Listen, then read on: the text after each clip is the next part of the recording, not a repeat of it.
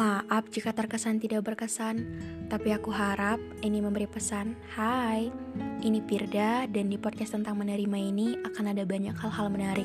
Jadi mari saling dengar, saling cerita dan menjadi teman baik di sini.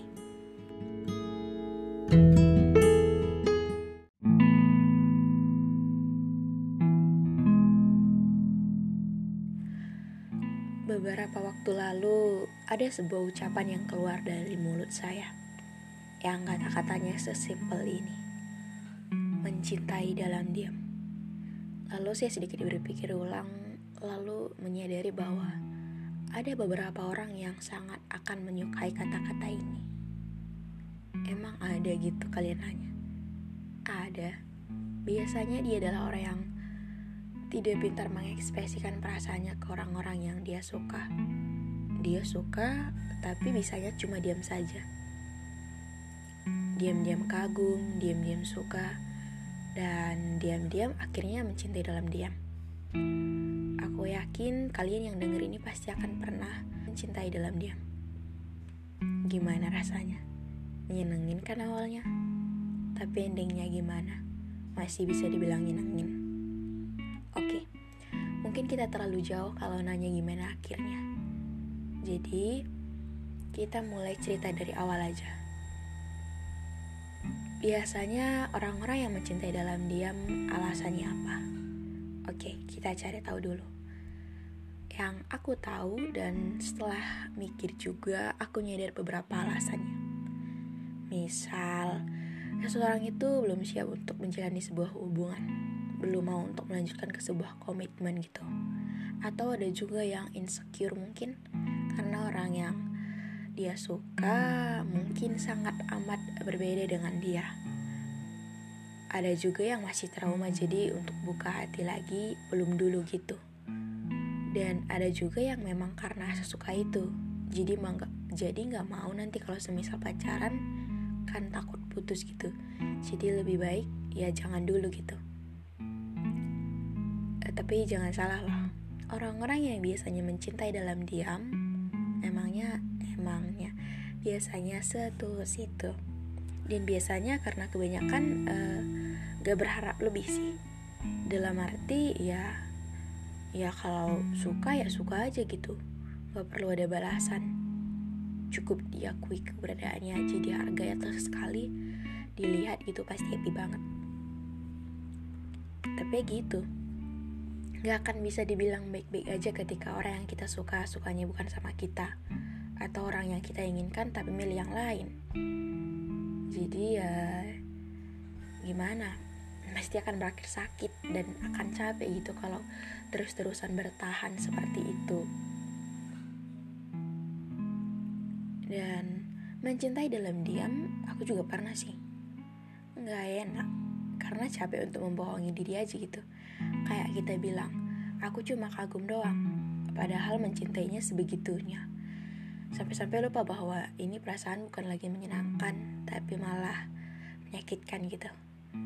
Dan kalau sudah sampai ke fase mencintai dalam diam bertahun-tahun, pasti akan susah nama yang namanya move on. Karena kita pasti sudah menjadikannya semenarik itu dan karena sudah sebegitu lamanya gitu. Dan seperti biasa, aku juga nanya ke teman-teman Instagram dan jawabannya beragam banget sih. Jadi mari kita coba lihat apa saja sih uh, yang teman-teman di Instagram tanggapi gitu. Aku nanya biasanya berapa lama rekor waktu mencintai dalam diam dan ada yang jawab 1 sampai 6 bulan itu 11%, uh, ada yang jawab 1 sampai 3 tahun 7%, ada yang jawab lebih dari 3 tahun 36% dan kebanyakan belum puan sampai hari ini itu 46%. Dan aku juga nanya kenapa biasanya orang mencintai dalam diam dan beberapa jawabannya itu seperti ini. Jawaban orang pertama karena mencintai dalam diam salah satu cara mengungkapkan rasa cinta tanpa melibatkan isyarat karena nanti takut menyakitkan. Yang kedua, buruk banget nangis terus orang-orang yang uh, kita sukai nantinya takut nggak di nggak menyukai kita balik gitu. Lalu ada juga yang bilang karena itu lebih baik. Oke selanjutnya karena sesuatu yang kita inginkan tidak mesti terburu-buru untuk dimiliki. Lalu tak mampu menyampaikan entah malu atau takut akan hasil akhirnya nanti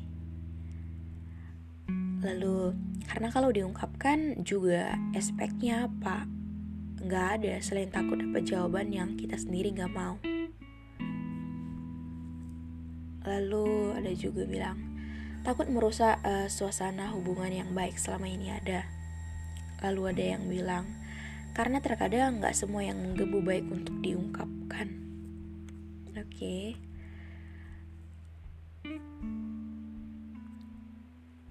Lalu ada yang bilang apa lagi ya?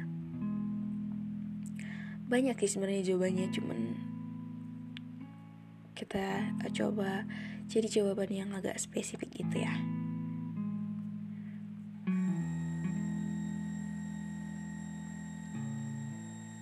lalu ada juga yang jawab sesimpel karena insecure jadi seperti yang aku bilang tadi jawabannya memang kebanyakan seperti itu gitu ada yang masih trauma ada yang insecure ada yang belum siap atau hal-hal lainnya yang udah kita bacain tadi di tanggapan teman-teman di Instagram Story.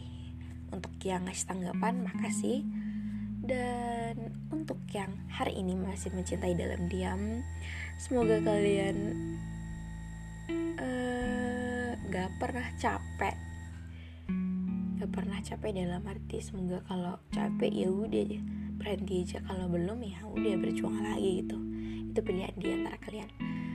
Jadi ini aja sih yang mau aku sampaikan tentang uh, episode podcast kita kali ini. Jaga kesehatan semuanya yang belum follow boleh di follow dan untuk yang udah denger beberapa episode dari tentang menerima pasti akan bisa yang namanya kasih bintang 5 jadi boleh dong dikasih bintang 5 dan yang belum follow Instagram uh, aku di Firdayani Firdayani orang boleh di follow atau mau ngirim cerita juga boleh atau Instagram podcast di tentang underscore menerima juga boleh. Dan ya udah itu aja sih yang mau aku sampaikan di episode kali ini.